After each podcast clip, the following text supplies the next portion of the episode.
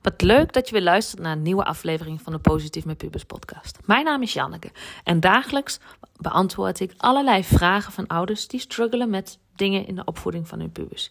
Ik beantwoord ze en in deze podcast behandel ik die vraag met jou en geef ik mijn visie erop en neem ik je mee in mijn dagelijks leven. Mocht je het nog niet gedaan hebben, abonneer je dan op deze podcast, zodat je geen aflevering meer mist. En als je deze podcast tof vindt, geef het dan zoveel mogelijk sterren of een positieve review. Hoe meer positieve reviews, hoe meer platforms als Spotify en Apple Podcasts deze podcast gaan aanbevelen aan anderen die deze podcast nog niet kennen.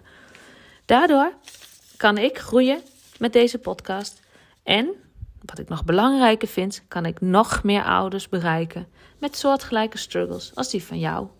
Je zou me er enorm plezier mee doen, dus dankjewel en we gaan gauw beginnen. Hey, super tof dat je luistert. Ik weet niet wanneer je hem luistert, maar ik neem hem op uh, op eerste kerstdag. Omdat ik gewoon met mezelf committed ben aangegaan dat ik op maandag en op donderdag een podcast online laat gaan. Ja, en dat dan tweede kerstdag op een maandag valt. Ja, dat is dan wat het is, maar dat maakt voor mij niet uit. Voordeel is natuurlijk ook, Peter heeft nu nachtdienst, die is niet aan het werk.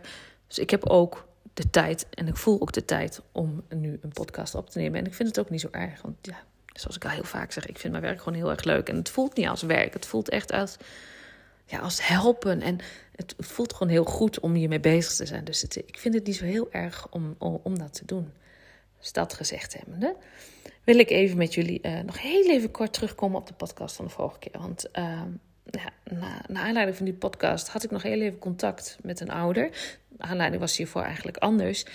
Maar daaruit uh, had ik nog een aantal dingen aantal tips uh, voor die ouder om die puber te laten houden aan de planning. Want dat, het was een heel voortvarende planning en waren echt heel nieuwsgierig naar of het ging lukken. En ze zegt van, maar wat zijn er nog dingen die ik kan doen? Nou, ik had een aantal dingen genoemd, een aantal punten genoemd die ik in de vorige podcast heb genoemd. Maar ik bedacht me nog een aantal andere dingen, die wil ik graag nog even met jullie delen. Mogelijk heb jij er ook weer wat aan, want daar, daar doe ik het allemaal voor, om jou ook weer verder te helpen. En met name dan ook weer je puber verder te helpen, dat ze niet zoveel stress ervaren op tijd. Nou. Wat ik deze dochter, uh, want het gaat om een dochter, tijdens het plannen meegegeven heb, is dat het leren makkelijker is om te doen aan het begin van de dag. Dit heb ik in de podcast ook verteld, maar ik vind hem wel heel belangrijk. Want daarmee uh, geef je jezelf, of dan maak je een afspraak met jezelf, laat zo zeggen, dat je de ochtend werkt en dat je de rest van de dag vrij hebt. En wanneer je wanneer je ochtends al zegt en uitstelt, daar heeft het constant in je hoofd zitten en kost dat eigenlijk heel veel energie. Daarnaast is het ook um, een heel goed idee als je, weet je, en dan kan ik me heel goed voorstellen dat je dat deze keer doet, samen een activiteit gaat doen, ergens naartoe rijden voor de activiteit of wandelen. Ga dan samen over een bepaald onderwerp praten binnen een vak wat, wat je puber moet leren kennen. Want door er samen over te praten, door erover in gesprek te gaan, kan het puber, uh, de puberbrein gemakkelijker linken leggen. En kan je het later ook gemakkelijker weer terughalen. Of kan je puber het later weer terughalen. Juist omdat je die verbanden kunt leggen. Want weet je nog, we waren onderweg naar Den Haag en we stonden in de file bij Rotterdam. En we spraken met elkaar over dat en dat, dat, dat. Weet je het nog? Oh ja, weet je wel zo. Dat is hetzelfde als een oefening die je heel goed kan doen. En volgens mij heb ik die in een podcast ook verteld. Maar goed, ik weet het niet meer, maar liever twee keer dan niet. Is dat wanneer je uh, woordjes moet leren en je gaat woordjes koppelen in, aan een verhaal, dan, dan helpt je dat onthouden. En als je het dan hebt over willekeurige woorden en je gaat daarmee een rondleiding maken door je huis. Dus door je bijvoorbeeld, je komt via de bijkeukendeur binnen en je ziet op de grond de pizza, weet ik veel of het Frans is, maar de pizza liggen. En vanuit je ooghoek zie je de zwaluw naar beneden gaan om de pizza te pakken. Nou, je loopt verder, je ziet voetbal opstaan. Italië is aan het voetballen. Als je dat doet, pizza, zwaluw, Italië, voetbal, weet ik veel. Dan zul je merken dat je, wanneer je die volgorde zo langs gaat, dat je die woorden gemakkelijker kan onthouden. En dat kan met woorden, maar dat kan natuurlijk ook met korte zinnetjes. daardoor legt je brein gemakkelijker linken en kun je dingen weer makkelijker terughalen. Om aan het werk te komen werkt de 5 seconden uh, regel van uh, Melanie Robbins, Mel Robbins, ook heel goed. Ze heeft er zelfs een boek over geschreven. De vijf seconden regel werkt, nou ja, als ik het voor mezelf spreek, heel goed. En wat het inhoudt is eigenlijk, je telt van 5 naar 0 en bij 0 kom je in actie. En ons brein wordt dan getriggerd om echt in actie te komen. Want waarschijnlijk ken je het wel van toen jij tegen je, toen je kinderen nog klein waren, zijn. Als je niet binnen drie tellen hier bent, drie, twee. En nou, je wist, kinderen wisten niet hoe snel ze moesten komen. Mijn kinderen hebben dat nu nog steeds. En waarom? Omdat je brein dan getriggerd wordt. Want wat als ik te laat ben dan? Weet je, dan de oorzaak-gevolg. Dus die is ook wel heel erg interessant. En daarnaast is het, maar dat is bij elk doel, elk ding wat je wil, het waarom heel belangrijk. Dus waarom heb je die planning ook alweer gemaakt? Wat was het doel van die planning? Wat gebeurt er als je het niet doet? Dat soort vragen. Goed, dat wilde ik nog even benoemen. Denk dat dat wel weer, uh, of ik hoop dat het wel weer helpend is. Goed, genoeg over. Ik pak even de screenshots erbij van vandaag. Even kijken, waar heb ik hem gelaten? Nou ben ik hem kwijt. Oh ja, ja, ik heb hem. Ik kreeg een vraag van een moeder een, uh, een tijdje geleden. En ze schrijft: Hallo Janneke. Allereerst wil ik je bedanken voor de herkenning en jouw tips en trucs over pubers uh, op je account en op je podcast. Ten tweede ben ik benieuwd of je al eens een podcast of een post hebt gemaakt over pubers die te weinig eten of weinig lusten. Hartelijk goed, moeder van een puber-tweeling van 16. Nou ja, ik heb moeder toen al geantwoord. Nou goed, uh, allereerst natuurlijk tof om te horen dat je je herkent in hetgeen wat ik zeg en vertel. En nee, er is nog geen podcast over gemaakt, maar het is wel een hele interessante. Dus ik heb moeder toegezegd, weet je, ik ga hem noteren. En ik, hij staat op mijn lijstje en ik ga er een podcast over maken. Dus dat ga ik vandaag ook doen. Dus ik, ik hoop dat je er wat uit gaat hebben.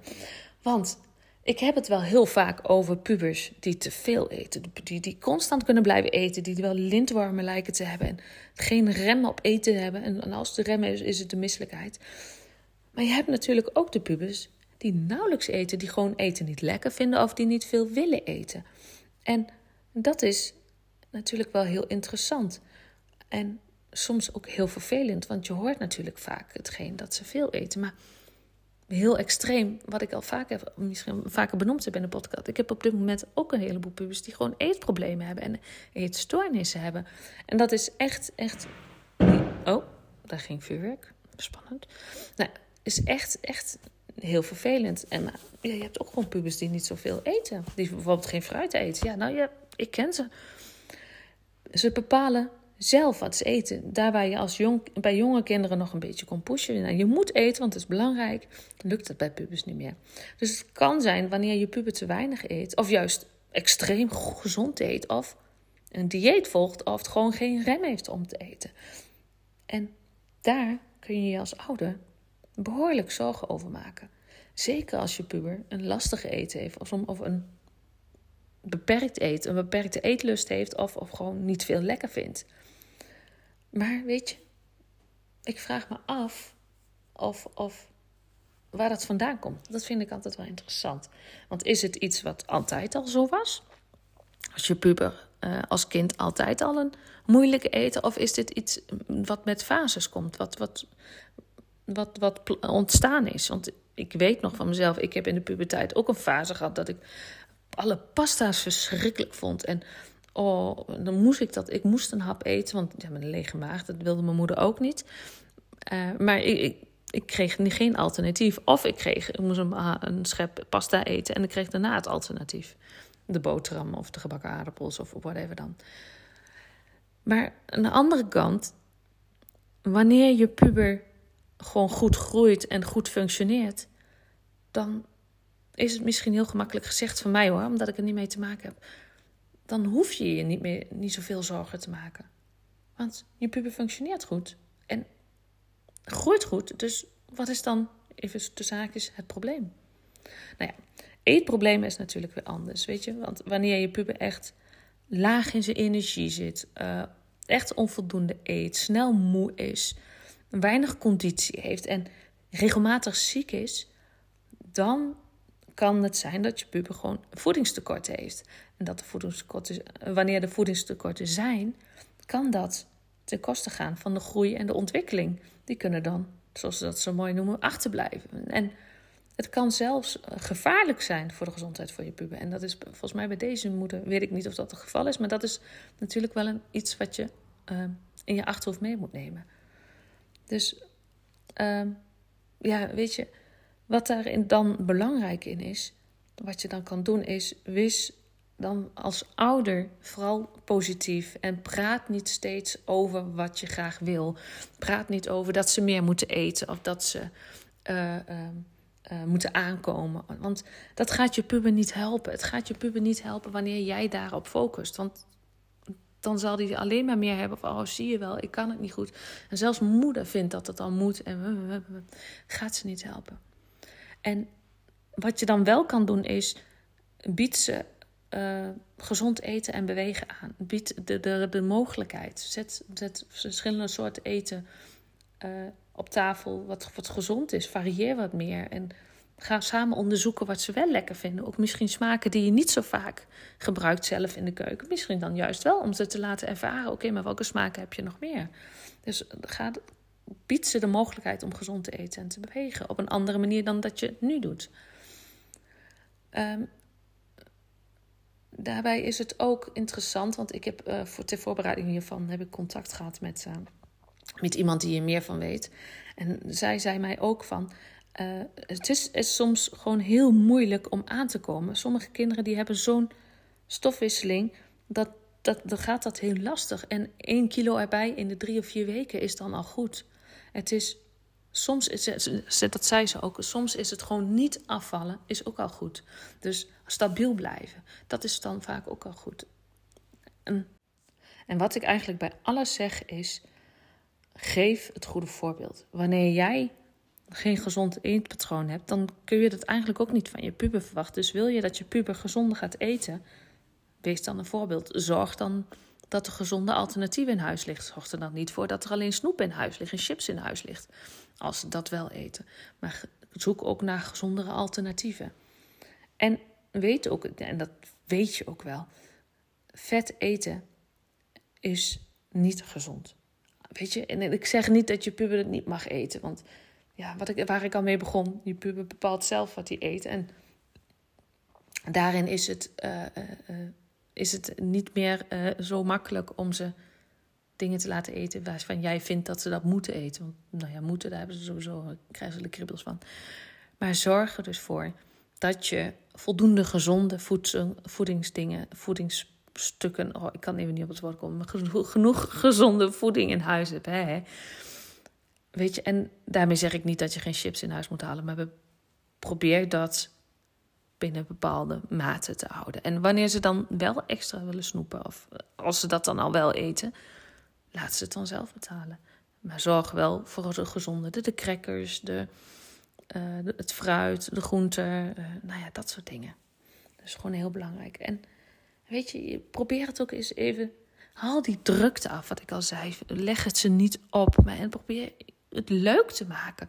Uh, eet samen aan tafel. Ga samen koken. Ga samen de menu samenstellen voor die week. En laat je puber meedenken. Laat je puber recepten zoeken die hem of haar leuk, lekker lijken. En laat, ga samen koken. Daarmee leren ze ook de vaardigheid van het koken. Daarmee doe je samen iets. En misschien kun je op die manier bezig gaan met eten, met voeding, met het eetlust opwekken op die manier. Maar vooral, en dat vind ik wel een hele belangrijke. Lukt het jullie gewoon niet om zelf dat eetpatroon te verbeteren? Bespreek het dan. Uh, uh, zeker bij, bij ondergewicht dan. Bespreek het dan met de huisarts. Wanneer je ziet dat je puber verder genoeg energie heeft, een gezond gewicht heeft, gezonde ontwikkeling heeft, gezonde groei heeft, Weet je, dan mag je stoppen met je zorgen maken. En dan mag je gewoon gaan genieten van het puber zijn. Dan, dan mag je erop vertrouwen dat dat weer komt.